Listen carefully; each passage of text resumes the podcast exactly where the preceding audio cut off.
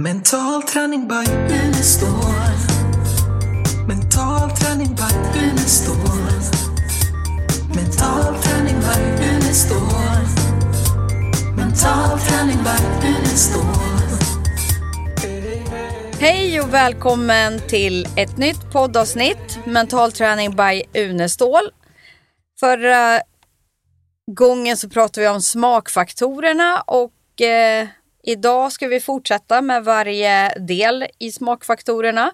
Och Malin och Lars-Erik är med idag. Jajamän. Yes. Yes, ja men då kör vi väl. Ja. ja, vi pratade ju förra gången om eh, de fyra faktorerna som leder till framgång, yttre framgång och inre framgång. Och den första faktorn är ju då det här med självbilden.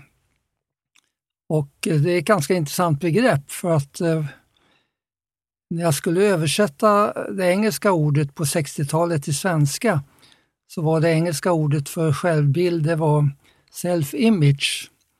Men image betyder ju egentligen inte bara bild utan det betyder föreställning. Men det var så krångligt att tala om självföreställningar och målföreställningar så därför valde jag att tala om självbilder och målbilder.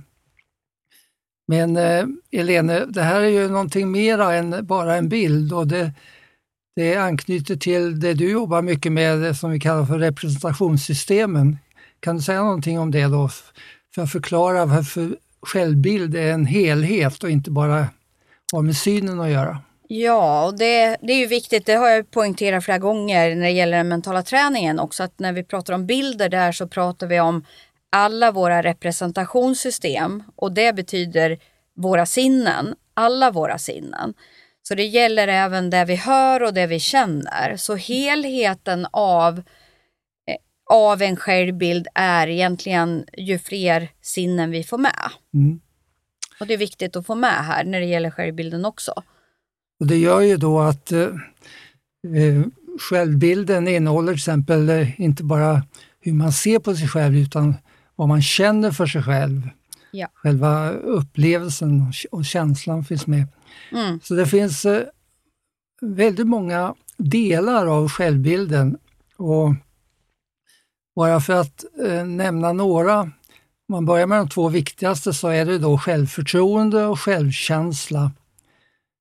Men sen har vi då allt ifrån självrespekt, självvärde, eh, självförmåga, självcare, säger man på engelska, alltså egenvård. Vi har självcompassion, self-compassion. Vi har självkärlek, self-love som har blivit populärt.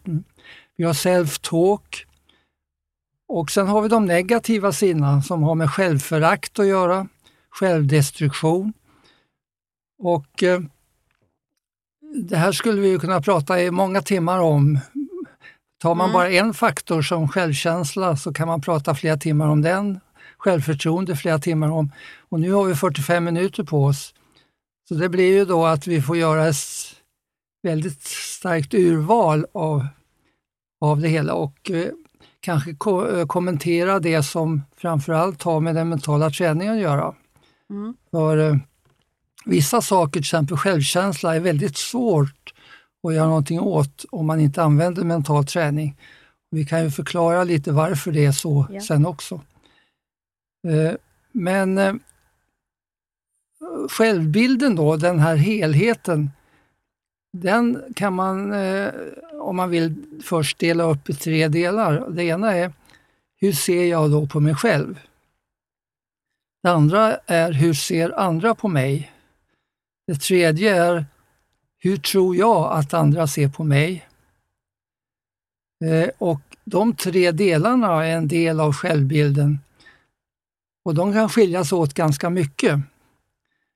Så eh, bara för Där att, är, väl, där är väl jätteviktigt att målet i den mentala träningen är ju att få alla de här tre att eh, eh, få en gemensam faktor så att så man blir kongruent i det hela. ja, För det är ju då det blir så mycket enklare alltihopa. Ja. Vi har i eh, den mentala träningen ett, eh, ett test formulär för det här och första gången jag använde det var i samband med en, en kurs nere på Kreta för eh, 30-40 år sedan. Det hade 30 stycken tandläkarpar.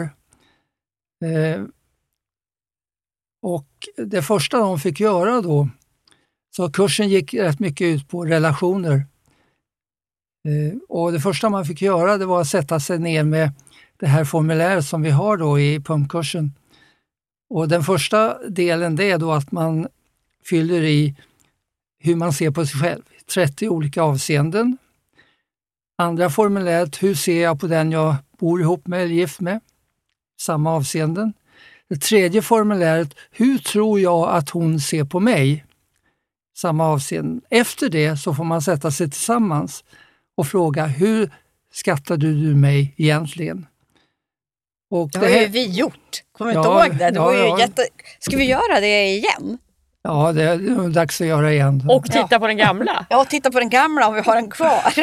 Det var, det var väldigt jo, förvånande just, och spännande. Det hände just det, i några fall att man kom efter några timmar och sa vi har varit gifta i 20 år och på, några, på några timmar nu har vi lärt känna varandra bättre än under 20 års äktenskap. Mm. Och vi har ju varit gifta i 20 år nu.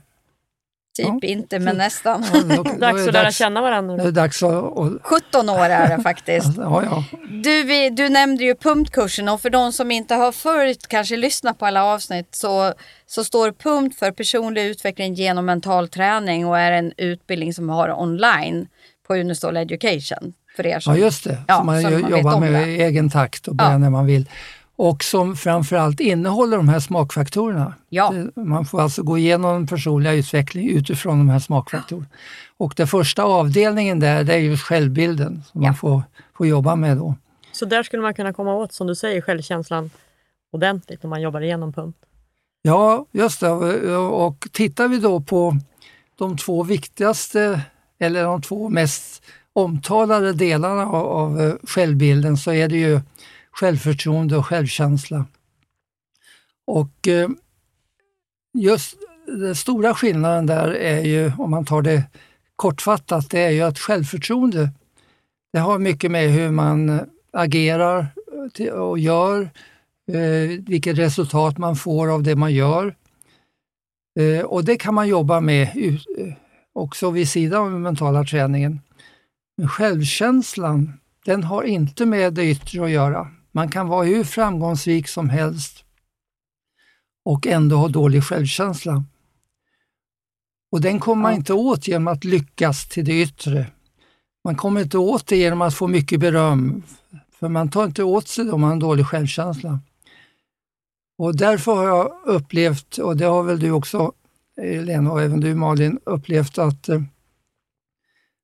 när man träffar människor som har lyckats bra, eh, haft framgångar och verkar ha väldigt bra självförtroende, så visar det sig när de eh, eh, blir ärliga att de har en dålig självkänsla. Eh, och då kommer de ofta och vill ha hjälp just med självkänslan. De säger, ja, jag, jag går varje dag och, och, och är rädd att bli avslöjad som en humbug. Hur länge ska jag kunna hålla den här fasaden uppe? Så vidare. Men då har du kommit ändå en bit på väg att man har självinsikt. För det finns ju väldigt många som har dålig självkänsla men inte förstår det. Utan, men då, finns ju, då kan man ju märka det. Personer som gärna bara pratar om sig själv och har svårt att lyssna på andra och liksom vill synas och höras jämt ja, eh, i, då, med självförtroende. Då vill man inte erkänna det här dåliga självkänslan. Man försöker kompensera det genom att framhäva sig själv, hela tiden och Precis. Eh, tala om hur bra man är. Det är, det är en, en del en, av, en av del dem av. också. Eh, vi har gjort eh, ett formulär som vi har med i, i kurserna där man får skatta sig hur man, för att om man tittar på självkänsla och självförtroende så kan det finnas fyra, fyra grupper. De mm. som har bra, själv, bra i bägge fakt, eh, faktorerna. Vilka faktorer? Självkänsla, ja. självförtroende ja. Själv, och själv... Eh, eh Självkänsla och självförtroende. Ja. De som har dåligt i bägge och de som har bra igen. Mm.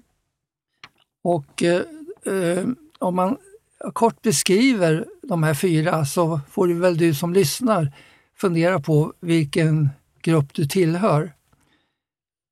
De som har dålig självkänsla och dålig självförtroende, de tror sig inte vara värd någonting och tror inte att man kan lyckas med någonting. Osäker både i sig själv och i givna situationer. Man är missnöjd med sig själv och vågar inte försöka. De som har eh, hög, högt i bägge, Mm där strävar efter att prestera, men man är inte rädd att misslyckas. Man vågar ta risker och chansa. Tro på sig själv och på sin förmåga att hantera situationer som uppstår. Så det är det ideala. Men så har vi den vanliga gruppen som har en bra självförtroende men dålig självkänsla. Mm. De, tro, eh, de eh, måste ständigt prestera för att tro på sig själv. De är inget värd om man inte lyckas hela tiden. De är alltså prestationsberoende. Misslyckas man så går världen under. Mm. Och det här är intressant för att de människor i karriären som man träffar, som kommer till oss och vill ha hjälp med självkänslan, de säger ofta det att prestationen har blivit en stressfaktor. Mm. Jag måste lyckas, jag måste prestera för att hålla min självbild uppe. Mm. Gör jag inte det så går allting under. Och Det blir ju väldigt eh, jobbigt så småningom.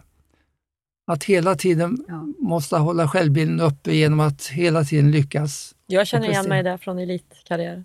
Alltså, ja. Samma, eh, så var det ju för mig också. Jag, jag hade ju behov av att få hö- höra av andra att jag hade gjort någonting bra. Eh, så jag strävar ju hela tiden efter att hjälpa till och säger ja till allt och alla för att få lite, åh vad snällt och vad, vad bra att du gjorde det här. För att då, då höjdes min självkänsla lite grann. Precis. Men det försvann ju efter 5-10 minuter och så var jag ju igång igen. Ja, och det är ju ganska vanligt då med, med eh, låg självkänsla att eh, man inte tar emot beröm heller. Nej. Utan, eh, ja, det säger de bara för att göra mig glad, men de menar inte det. Nej. Man har svårt att eh, ta emot det. Och här skulle man kunna säga lite om varför får man då en dålig självkänsla? Mm, det är ju spännande. Adler som var eh, Jungs efterföljare eh, inom den psykoanalytiska teorin. Han menade att de flesta människor föds eller har dålig självkänsla från början, efter födseln. Han menade att ett litet barn är helt beroende av omgivningen, vilket man gör i början. Och därför skapas det en, en känsla att jag kan inte själv, utan jag är beroende av andra, menar han då. Mm. Det är många som inte tror att det måste vara så, men det kan ligga någonting i det att eh, eh, om man inte gör någonting åt det, om man inte ger barnen trygghet och eh, insikt om att de klarar saker själva, då kan självkänslan fortsätta vara dålig livet igenom. Så det verkar som om självkänslan har väldigt mycket med uppväxten att göra Mm. och med barndomen att göra. Och eh, eh, Därför blir det så viktigt att ta upp den för föräldrar och titta på hur, vad ska man göra för att ge barn en bra självkänsla. Och eh, där finns det en hel del eh, forskning nu som, eh, som eh, visar på en rad intressanta saker. Vi hinner inte gå in så mycket på den, jag ska bara säga några saker då. Det som man betonar mest det är eh, eh, det som på engelska heter unconditional love, alltså ov, ovillkorlig kärlek. Ja. Att man inte villkorar kärleken. Att jag tycker om dig, jag älskar dig därför att du Gör något. utan man, att man älskar barnet även när de gör misstag, även när de gör fel, även när de gör saker som man inte gillar. Att de känner att kärleken till, till dem, den finns där oberoende av vad som händer. det är väl en av de saker man betonar mest idag för att eh, hjälpa barn att bli trygga och få en, en bra självkänsla. Men om vi skulle fråga ett antal föräldrar så skulle ju de flesta tycka att man ger sina barn ovillkorlig kärlek. För jag, jag tänker bara hur viktigt det är hur, med språket också här. Hur Ja. man uttrycker sig och så här. Mm, och där, har, det, där är vi ju kanske rätt så omedvetna hur språket påverkar oss. Mm. Vi berömmer ofta barnen. Eh, Åh vad duktig du är. Fast Mm. det kanske inte är det bästa att göra det. Utan berömma beteendet istället. För då bygger vi självkänsla. Ja. Medan när man berömmer, berömmer ett barn för vad som helst Mm. så berömmer du identiteten hos barnet. Och det är ju en otrolig skillnad. Och det här Precis. gör vi ju liksom omedvetet. Vi vill väl men det blir inte riktigt bra resultat av det hela. Och där är du inne på något som kommer fram de sista åren. Eh, Jag har en kollega i USA som har, eh, samarbetade med när jag bodde där, som heter Carol Dweck. Och hon har skrivit en bok som blir väldigt uppmärksammad över hela världen. Och det är eh, boken Mindset, där hon då eh, visar att eh, hon skiljer på growth mindset och fixed mindset. Att eh, ger man barnet eh, beröm i sig, hur duktig du är och vilken talang du har, och så, då bygger man upp ett fixed mindset där barnen inte vågar riskera den bilden. Man vågar inte försöka, visar det sig. Medan man har en growth mindset, alltså ett utvecklande mindset, ja då utvecklar man det genom att försöka och, och eh, ge sig på saker och försöka klara av det och så vidare. Så där har hon visat väldigt övertygande skillnaden då i beteenden mellan de som har de här två mindset. Så det är ju viktigt då, eh, som du säger, att man till exempel inte säger åh vad duktig du är, åh vad begåvad du är, åh vad, vilken talang du har, utan säger det där gjorde du bra. Det där var jättefint. Att man kopplar det till beteendet Ja, och inte till en allmän eh, personlighetsdrag. Det var en annan grej jag tänkte på just med barn innan du fortsätter. Eh, det här med att vi curlar våra barn eh, rätt så mycket. Vi skjutsar och hämtar och ger dem saker och allt vad det nu är för någonting. Samtidigt såg jag någon, någon forskning på det, att det fanns fördelar med det också. Har du läst den? Nej. Nej. För att det, men där är, tror ju jag det här att, att om man är omtänksam och hjälpsam mot sina barn, det är ju en sak. Och det kan ju vara ett sätt att curla, så uppfattar jag den här eh, forskningen. Medan när vi inte tillåter våra barn att få prova saker på egen hand och, och eh, få ta itu med utmaningar. För det kan jag uppleva om jag generaliserar att många inte tillåter sina barn, nej men du är för liten och det kan du inte göra. De kan ju vara med, de kan skala potatis och de kan gå ut med sopor och de kan dammsuga och de kan få baka själva liksom, oavsett hur små de än är. De kan få prova i alla fall. Så här Absolut. finns ju mycket att hämta för att stärka barns självbild också och även självförtroende. Precis. Eh, Det är ju eh, så viktigt att man får utveckla sina förmågor genom att man får pröva själv. Ja, Så att eh, eh, man är väldigt viktigt att skilja på de sakerna och ja, ibland har det gått ihop så att det bara blir det här att man ställer upp. ja.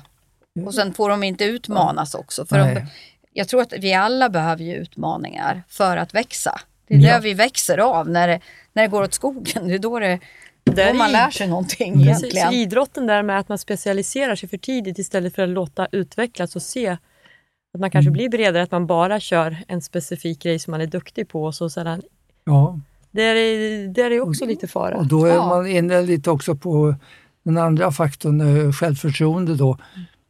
Bara säga när det gäller just uppfostran av barn och självkänsla att eh, det jag nämnde en, en sak, villkorslös kärlek. Men i den forskning som görs så finns det en, en rad olika saker och Mm. jag brukar ta ut sju saker. Förstås, jag jobbar ju med sjutalet. Ja. Och det är då den här villkorslösa kärleken, det är att eh, man får sätta upp realistiska mål och sen får man pröva den här babystegmetoden, att man tar eh, ett litet steg i taget Mm.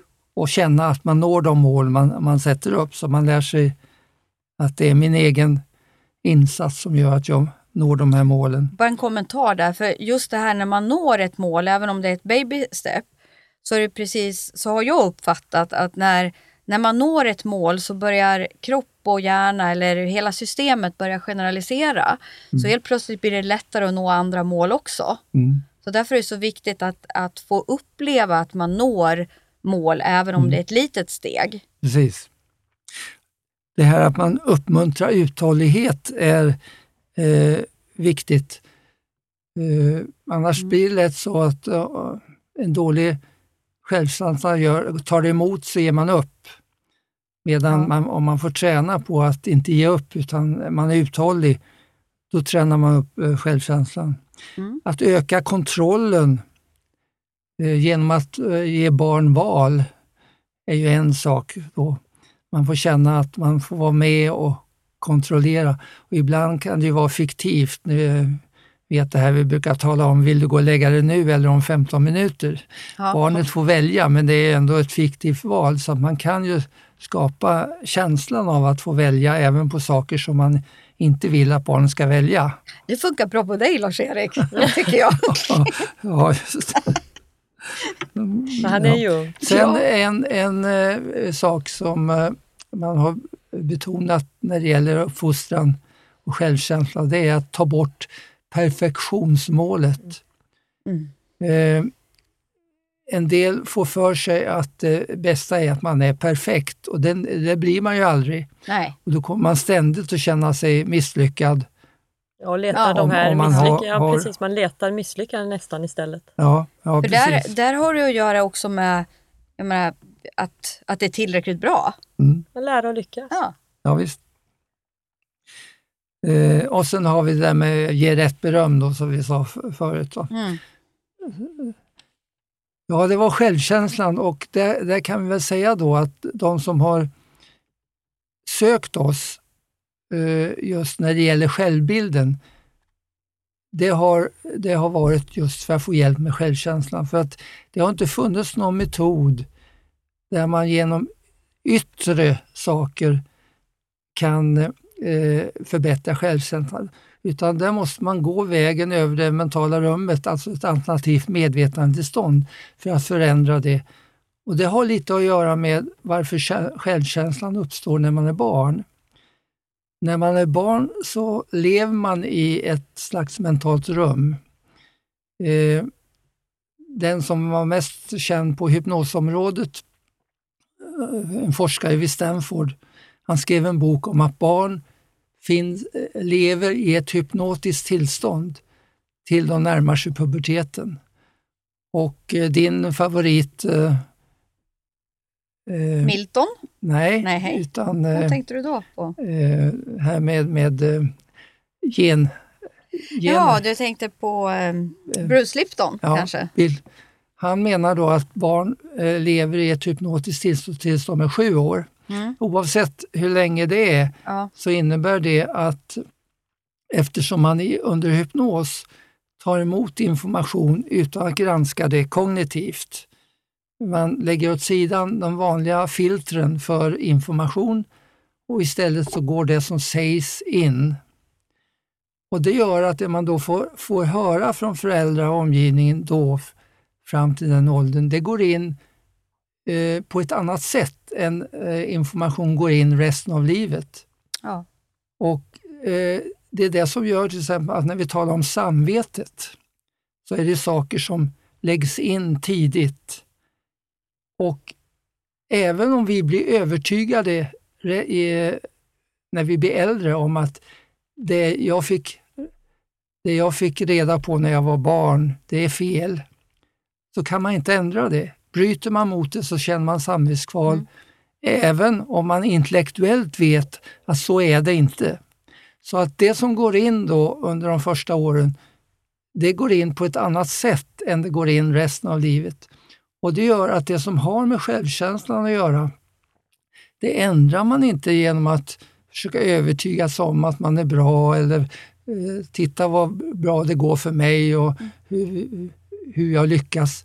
Det ändrar man inte självkänslan med. Utan där måste vi gå in i ett sånt tillstånd igen. Och det gör vi i det mentala rummet. Och sen får vi information som gör att vi eh, eh, förändras. Ja. Så man behöver tillbaks eh, i ett al alternativt medvetande för att eh, programmera om sig eller ändra det man vill ändra på. Mm. Ja, och det säger ju Bruce Lipton och det har ju du sagt i 50 år. Mm. Så att du var väl före Bruce Lipton vad det gäller dig i sådana fall om vi skulle titta på det. Och det gör ju... Eh, Men jag har en fråga till dig. ja, För jag tänkte, jag, jag, jag eh, upplever ju att jag blev utmanad som barn och, och hade en ja, men, trygg miljö och sådär. Sen, så min självbild tror jag var rätt så bra. Sen blev jag retad i skolan för jag var kort och lite tjock och allt vad det var för någonting. Ehm, och då blev ju jag, istället för att bli ledsen och uppleva att jag blev mobbad, så blev jag arg. Mm. Eh, och då undrar jag, det tog ju rätt så lång tid att programmera om.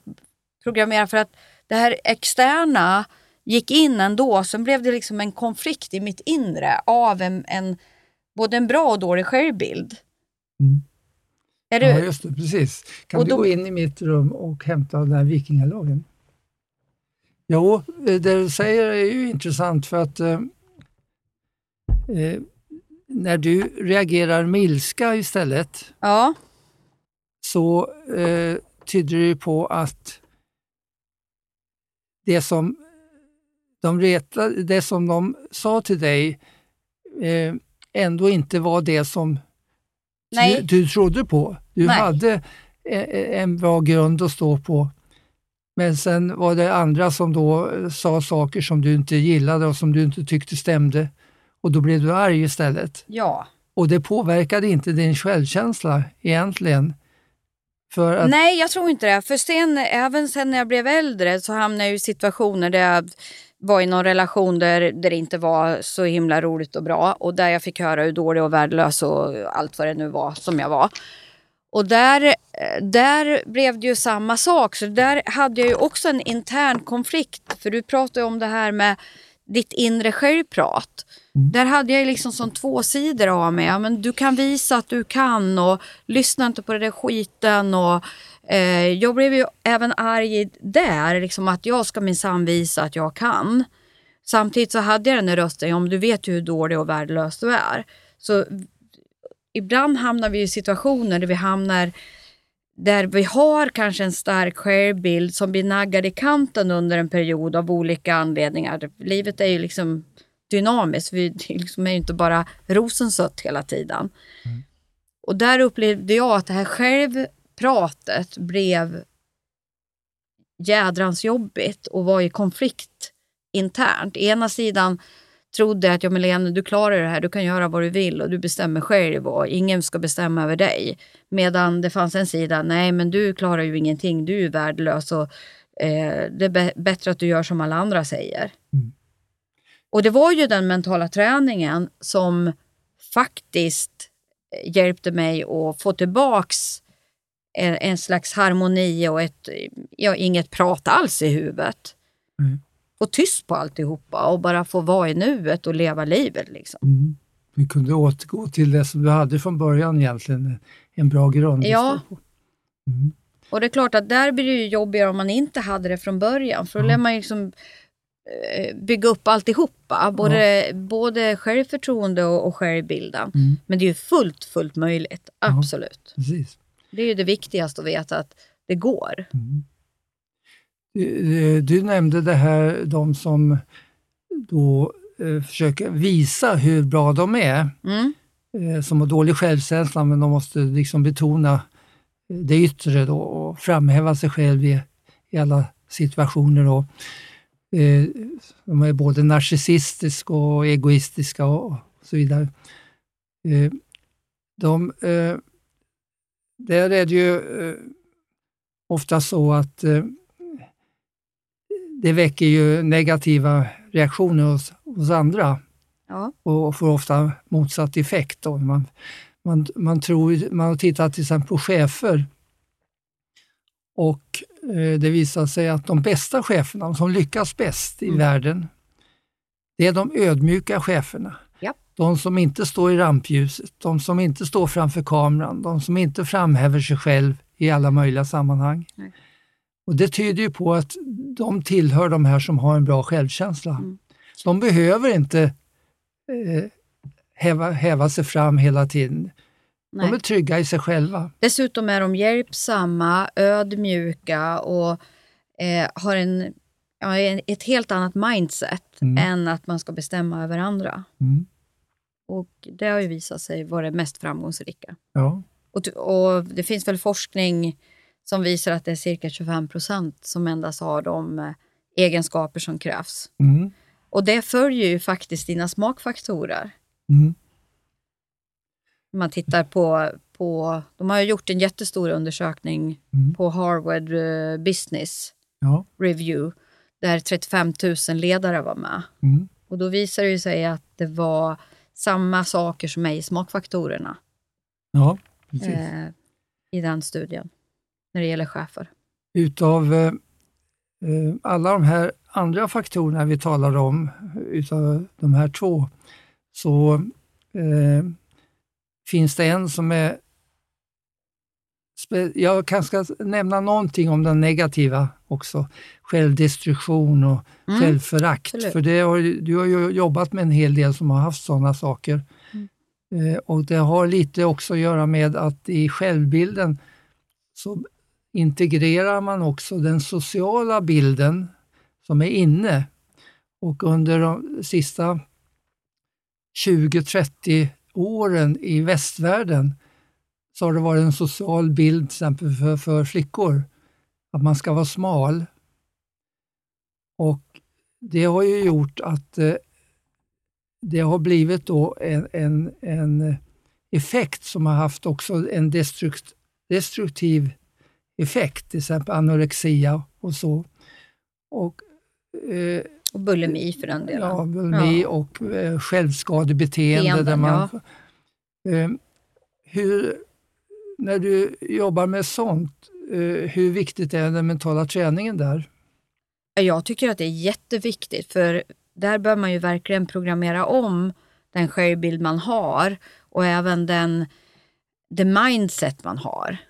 Och det, det räcker ju inte att sitta och prata om det, för då skulle vi behöva sitta kanske en tre, fyra år och prata om det. Utan det här är ju ett sätt, det här är ju tufft och utmanande ändå och tar lång tid. Men där tror jag det är viktigt med att, att liksom få till det här babysteg eh, ofta Mm. och jobba verkligen med självbild och självkänsla och utifrån olika situationer. Ja, Och gå väldigt mycket faktabaserat också. Vad är fakta? Vad, bas, ja, vad man baserar det mindset man har Mm. på. Så att man kan visa att det faktiskt inte är fakta. Oj, det var en illusion det här också. Men det är tufft och utmanande. Går man längst ut till höger då när man har all- allt det här med att vara vän med sig själv, att respektera sig själv, eh, så har vi längst ut då det som har blivit inne de sista två, tre åren och många har skrivit om det, self-love. Mm. Det såg man tidigare lite som eh, egoism. Då. Mm.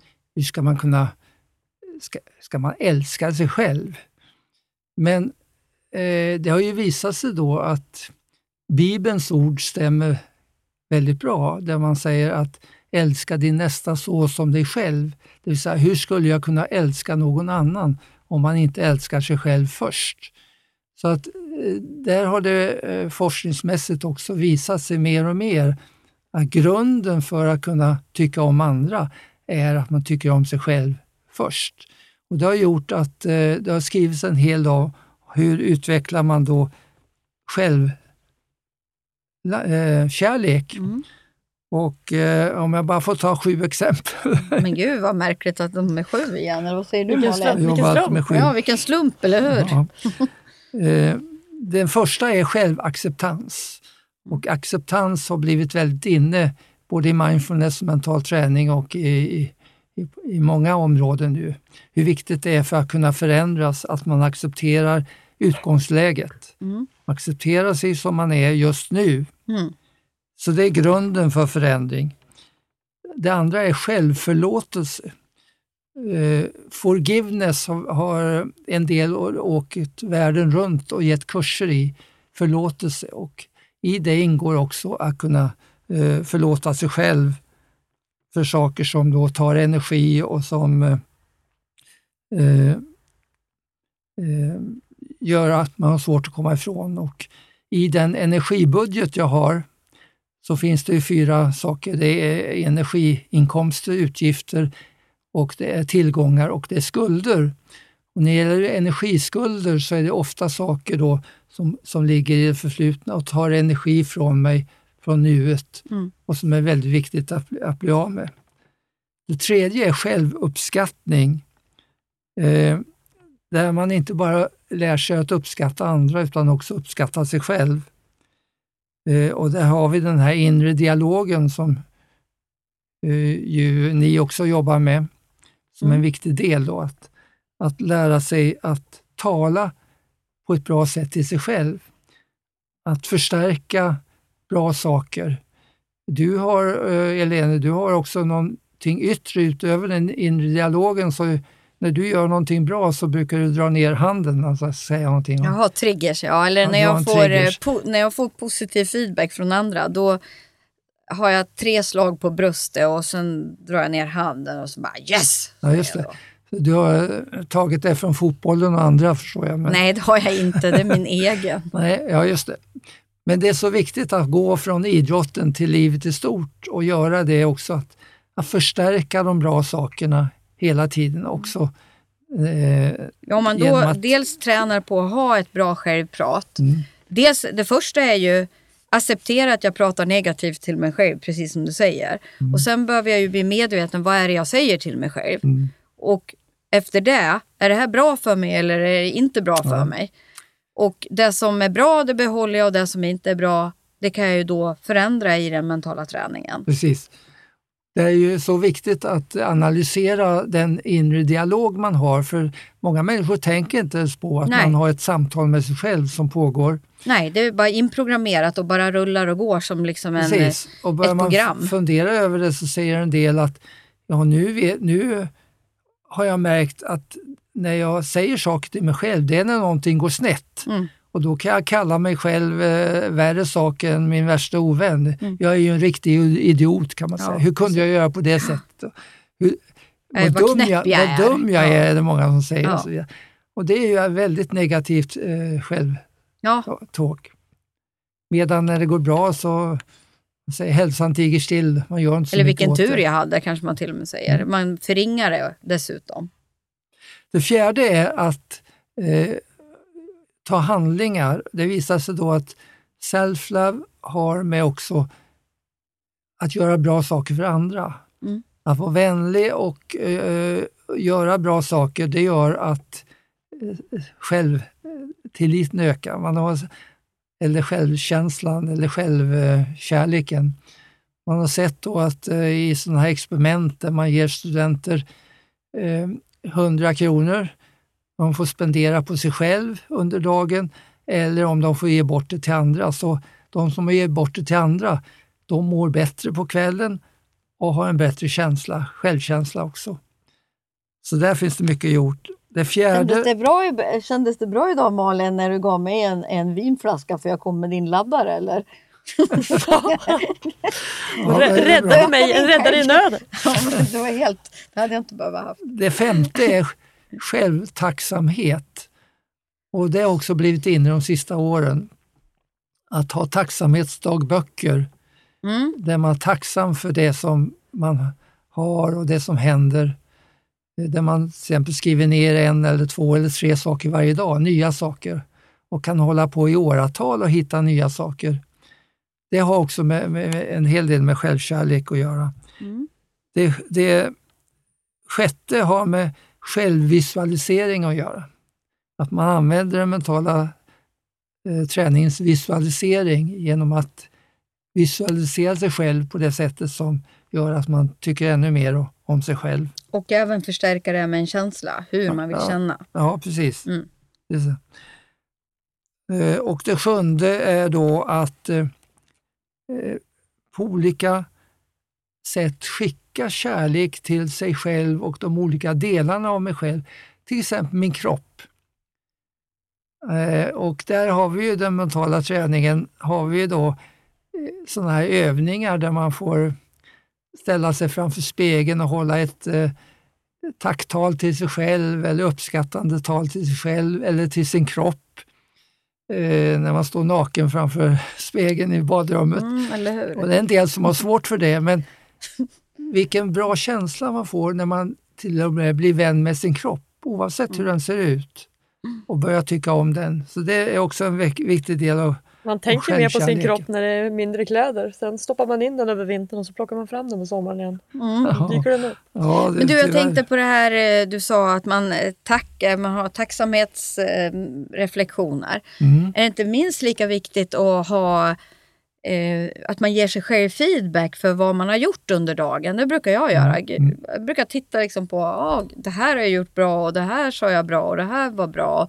Och så liksom boosta upp att det här, ja, men det här ska jag fortsätta med. Ja, Och saker som jag kan bli bättre på, då brukar jag liksom titta på det. Och men det här kunde jag ha gjort annorlunda och det här Mm. kan jag utveckla. Och så brukar jag då när jag lägger mig gå in i mentala rummet. Mm. Och sen eh, upplever jag att jag gör det på det sätt som jag vill göra till Mm. nästa gång jag hamnar i en liknande situation. och där är det viktigt som du säger att man frågar sig då, dels uppskatta det man har gjort bra, Mm. Ger sig själv eh, en bra känsla för det. Men också eh, ha den här, inte vad är det jag har gjort fel, utan vad är det jag kan göra bättre? Ja, För har man den frågan, vad är det jag kan göra bättre, då kan man tillämpa det på allting. ja, precis. Inte bara på det som man tycker har gått helt fel, utan man kan tillämpa det på även det Ja. som, ja det här gick ju någorlunda bra, men det kanske kan göras ännu bättre. Ja. Då har man den där utvecklingsmodellen i huvudet där man hela tiden söker efter att utvecklas som människa och göra saker Mm. på ett bättre sätt. Så att det, är jättebra att göra. Sen så har vi, eh, när det gäller självbilden, så har vi ju någonting som det har talats väldigt mycket om. Och det är jantelagen. Mm. Och eh, jag hade ett tv-program i Norge i slutet av 90-talet eh, omkring mental träning och då sa jag att vi kanske ska ta upp jantelagen för den kommer ju härifrån. Nej, sa de, den kommer från Danmark. Och det var ju faktiskt så att Sandemose som uppfann jantelagen, han var dansk men han flyttade till Norge. Så därför har vi ofta förknippat jantelagen med Norge. Men då sa de någonting intressant. De sa, alltså ni vet inte om i Sverige att vi har officiellt avskaffat jantelagen. Vi eh, ordnade ett tv-program där vi hade en, en eh, eh, natt, statsbegravning. Och väldigt högtidligt så grävde vi ner jantelagen i marken i, i den här begravningen. Och eh, jag tänkte det här var ju en jättebra idé. Så jag hade ett projekt uppe i Jämtland vid den tiden och sa nu ska vi göra samma sak i Jämtland. Vi ska avskaffa jantelagen här uppe. Och då ordnade vi en motsvarande begravning där, där eh, landshövdingen var begravningsförrättare och grävde ner jantelagen i marken och sen hade vi en fin gravsten där det stod någonting om att eh, eh, saknad av ingen och sånt där. Eh, så det var en symbolisk, men det gäller ju också att avskaffa den i verkligheten.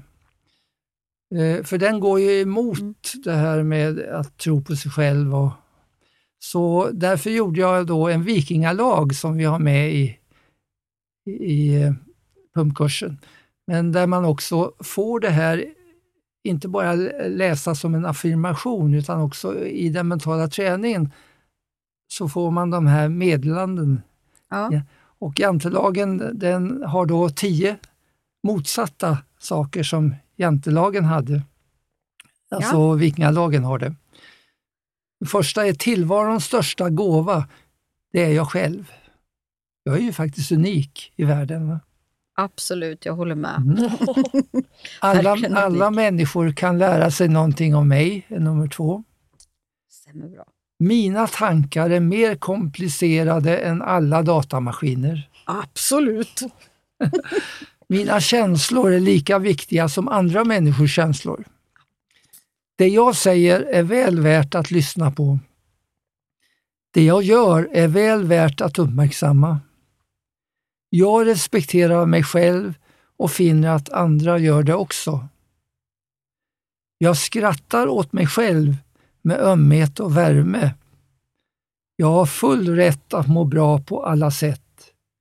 Jag är unik. Det finns ingen mer som jag. Och, eh, Den är fantastiskt bra. det här får inte bara vara, bli intellektuellt, för då går det inte in. Nej, Utan det, ger man dem den informationen i det mentala rummet, ja, då tar man till sig det på ett helt annat sätt, även känslomässigt. Och eh, det gör ju att vi inte behöver tänka på den överhuvudtaget. Utan kroppen ska reagera automatiskt på det här som allt annat som vi gör automatiskt. Ja, det är det som är själva grunden i hela mentala träningen. precis. Nummer åtta här förresten, du skrattade lite när jag, när jag tog upp det här med självhumor eh, i självbilden. Men eh, det är faktiskt en väldigt bra del att kunna se med humor på sig själv. Jag skrattar åt mig själv med ömhet och värme. Här. Det betraktar vi när vi jobbar med, med humor eh, och den här, eh, eh, så här ja, den här projektet. Det betraktar vi som den högsta formen av humor. Eh, Därför att det ger distans, att kunna se sig själv med lite humor. Så det är viktigt. Men vi är väl rätt så råa i vår familj. Vi har rätt så mycket ironi. Det tycker vi är skitroligt. Frisätts det lika mycket endorfiner i skrattet när man skrattar åt sig själv?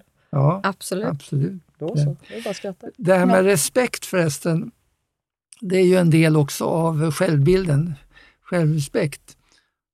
Och eh, om man tittar på, själv, på kärlek och respekt så har jag en, ett citat som jag har eh, gjort som heter så här, eller som ett mål i, i det här med självbilden. Och det är att målet är att vara älskad av några, att vara omtyckt av många, att vara respekterad av alla. Och eh, Det är ju viktigt att dela upp det på det sättet, för de som känner att jag måste vara älskad av alla, där blir det en påfrestning. Mm. Där blir det eh, så att man känner att det, eh, man kommer inte dit och sen får man dålig känsla. Men att veta att kunna vara älskad av några, omtyckt av många och respekterad av alla, det blir en väldigt bra eh, mål. Ja, och balans Ja. mellan... Ja, Ja. absolut. Mm. Just det här om man ska bli älskad av alla, det är ju då man förlorar det här samklang med sig själv. För att då ändrar man mindset utifrån vad andra tycker. Mm. Ja, men då tycker jag som dig Malin, och, fast jag kanske inte tycker det. För det gäller ju att ha liksom Mm. en integritet, att man faktiskt respekterar att vi är olika och tycker olika. Ja, visst. Det är ju det som är spännande med det där är ju livet. en mognadssak tror jag bli- med. Som man Ja. tänker på när man är ung. Så tror man ju att liksom man måste få passa in och vara alla till lax på Ja. något sätt. Och då kan man bli eh, respekterad av alla, även av sina motståndare och de som har andra Ja. åsikter. Mm. Även om man inte blir älskad. Ja, någon förståelse i det med. Mm. Ja, det är ju jätteviktigt. Mm. Ja, vi har ungefär eh, 15 faktorer kvar i självbilden, men vi har ju tagit de viktigaste så tiden Mm. har väl gått förstår jag. Ja. Din tid är ute. Oj, Nej. Nej, för dagen. Mm. Men det viktigaste som vi hade att säga då, utan att behöva gå in på alla de andra faktorerna, det är väl att säga att det som verkar vara mest angeläget idag, det är att eh, hjälpa människor som känner att de har en dålig självkänsla, eh, att få en bra känsla, självkänsla genom mental träning. Ja. Och Det är ett bra verktyg Ja. eh, som vi vet fungerar. ja, Därför att det gör ju också, eh, det har ju stor betydelse inte bara för den mentala hälsan. Vi vet att man mår mycket bättre, Absolut. utan det verkar också som det har koppling till eh, vanliga hälsan. Man har funnit att de som har en bra självkänsla lever lite längre än de som inte har det. Så att det tycks påverka allting i livet, Mm. det vi gör. Och hitta den självkänslan, jag tänker i dagens samhälle, ju tidigare man kan hitta självkänslan. För det är ju det är tufft att vara ung idag. Ja. Och dessutom finns det så mycket att välja på Mm. också. Så att därför gäller det ju att ha en självkänsla där jag, där jag själv funderar på vad är viktigt för mig, vad vill jag ha ut av livet och se till att fixa det. Istället Ja. för att fundera på alla, alla valmöjligheter som finns. Mm. Så egentligen hör eh, självkänslan ihop med den fjärde faktorn vi ska titta på, nämligen den inre framgången. Mm. Eh, Medan självförtroende, då har man den yttre framgången. Och vi har inte nämnt mycket om den självförtroende, för den kommer ofta utifrån hur man lyckas. Mm. Eh, idrottsmän säger till exempel att det har gått bra sista månaden så mitt självförtroende är högt eller det har gått dåligt nu så mitt självförtroende är lågt. Så där, där följer självförtroendet lite av hur man, hur man lyckas. Men är inte Ingemar Stenmark perfekt exempel på någon som har liksom en stabil, stark självbild? För han kunde ju liksom, när han förlorade, han brydde sig inte ett skit om det. Han blev varken, han liksom bara stod där, jo men det gick bra i alla fall, sa jag han. Och så bara körde han vi- vidare. Jag ska Ja, köra det han hade perfekta ju- åket. Ja. Han hade ju mål där som var kopplat till sin egen prestation och inte hur de andra Ja. åkte. Va? Så det gjorde ju han, han kunde vara trea och vara nöjd, kunde vara etta och inte vara nöjd. Ja. För han eh, jämför inte med de andra utan med, sitt, med den bilden han hade av ett perfekt åk. Men inte bra, är inte det, bra det är beskrivning? jättebra eh, beskrivning. Eh, Nu hade han den mentala träningen med sig. Eh, För när han fick läsa manuskriptet till min första bok, då sa han Ja, jag vet ju inget om mental träning, men det är på det här sättet jag alltid har tänkt. Så han kom själv fram till sitt sätt att göra. Ja. Men en annan utav hans, eh, de största i Europa, den tredje största genom tiderna i Europa på utförsåkningen, jämsides med Ingmar, det var Mark Schiardelli från Österrike. Och honom jobbade jag med, med mental träning. Och han sa så här att eh, jag har inte bra självförtroende därför att jag har lyckats bra. Jag har lyckats bra därför att jag har bra självförtroende. Det, självförtroende det bygger jag upp med den mentala träningen och sen låter jag det påverka eh, prestationen. Mm. Så att även på självförtroendesidan så kan eh, mentala träningen bli viktig. Mm. Därför då blir man inte beroende av att hela tiden tolka självförtroendet utifrån hur man lyckades. Nej. För då går det upp och ner. Mm. Medan om man kan bygga upp det med eh, mental träning, då, eh, Då blir det inre faktorer Ja, istället då håller det sig. Ja. oavsett hur man lyckas i det yttre. Ja. Och där finns en faktor, bara för att nämna namnet, vi hinner inte gå in på den, och det är self-efficacy som ligger mellan självkänsla och självförtroende. Och det har varit svårt att översätta den på, eh, på svenska. Men den innebär min, mitt förtroende för att lyckas i en yttre situation. Hur bedömer jag min förmåga att kunna lyckas i det yttre? Man kan säga att den ligger mellan självkänsla och självförtroende. Jaha, I Sverige- har jag aldrig hört talas I om. Sverige har vi inte jobbat så mycket med den. Den kommer från Bandura i, i USA. Jaha. Men det har skrivits en del på engelska omkring den. Men vi har, vi har nöjt oss med att jobba med de här två, Mm. självkänsla och självförtroende. Eh, Mm. Och inte så mycket med det som ligger däremellan. Och den hette? Self-efficacy, Spännande. som eh, Jaha. Eh, Det är inte självtillit heller egentligen, inte självbedömande eller någonting sånt, Mm. hur man bedömer sin förmåga i olika handlingssituationer. Ja, vad spännande. Det får vi läsa mer om. Fick vi Ja. lite till, härligt. Ja, Jaha. men då hoppas jag att eh, vi har Spännande. tagit det mest väsentliga om, omkring självbilden. Verkligen. Tiden går ju så fort när vi sitter här inne. Ja, det gör det. Ja. Det går fort när man har roligt. Ja, eller hur? Ja, Mm. då... Men eh, man kan ju sluta med att säga att eh, eh, hela den mentala träningen bygger ju på att man gör det, att man tränar. Ja. Man kan prata hur mycket som helst Ja. om självkänsla och självförtroende och allting, men ingenting händer förrän jag gör någonting åt det. Ja, Jag precis. börjar träna och Yes. Ja, då avslutar vi här och nu det här avsnittet som var spännande om smakfaktoren skärbild. Mm. Och eh, vi hörs vidare nästa vecka hoppas jag. Ha det så bra allihopa där ute vill som man pröva lyssnar. på det får man börja pumpkursen. Ja, eller hur? Det tycker jag med. Mm. Och har man okej. frågor så hör man av sig på fragor1unestal.se. Yes, Yes, ha det så bra. Hej då! hejdå! Hej. Mental träning by Unestål. Mental träning by Unestål. Mental träning by Unestål. Hey, hey.